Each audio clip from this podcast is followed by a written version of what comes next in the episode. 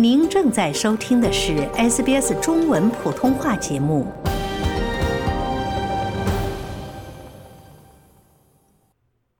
由于上周四一月二十五日晚上无人领取头奖，本周的强力球 Powerball 头奖奖金已达破纪录的两亿澳元。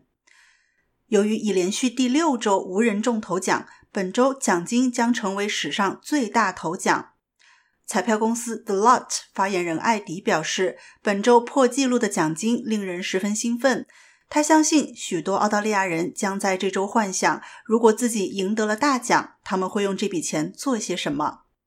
西澳彩票管理当局 Lottery West 代理执行长哈伯表示，迄今为止最大的强力球头奖是在2022年10月的1.6亿澳元奖金。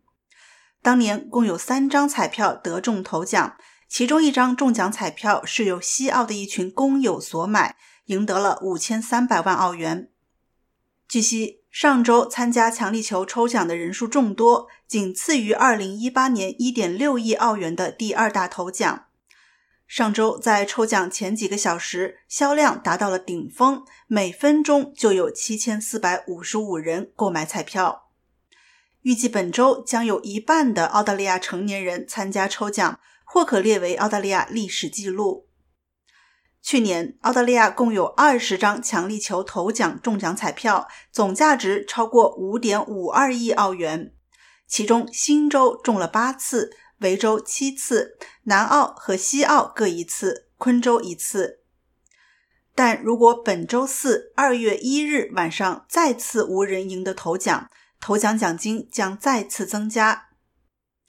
The Lot。此前曾透露，在强力球中头奖的几率是一亿三千四百四十九万零四百分之一。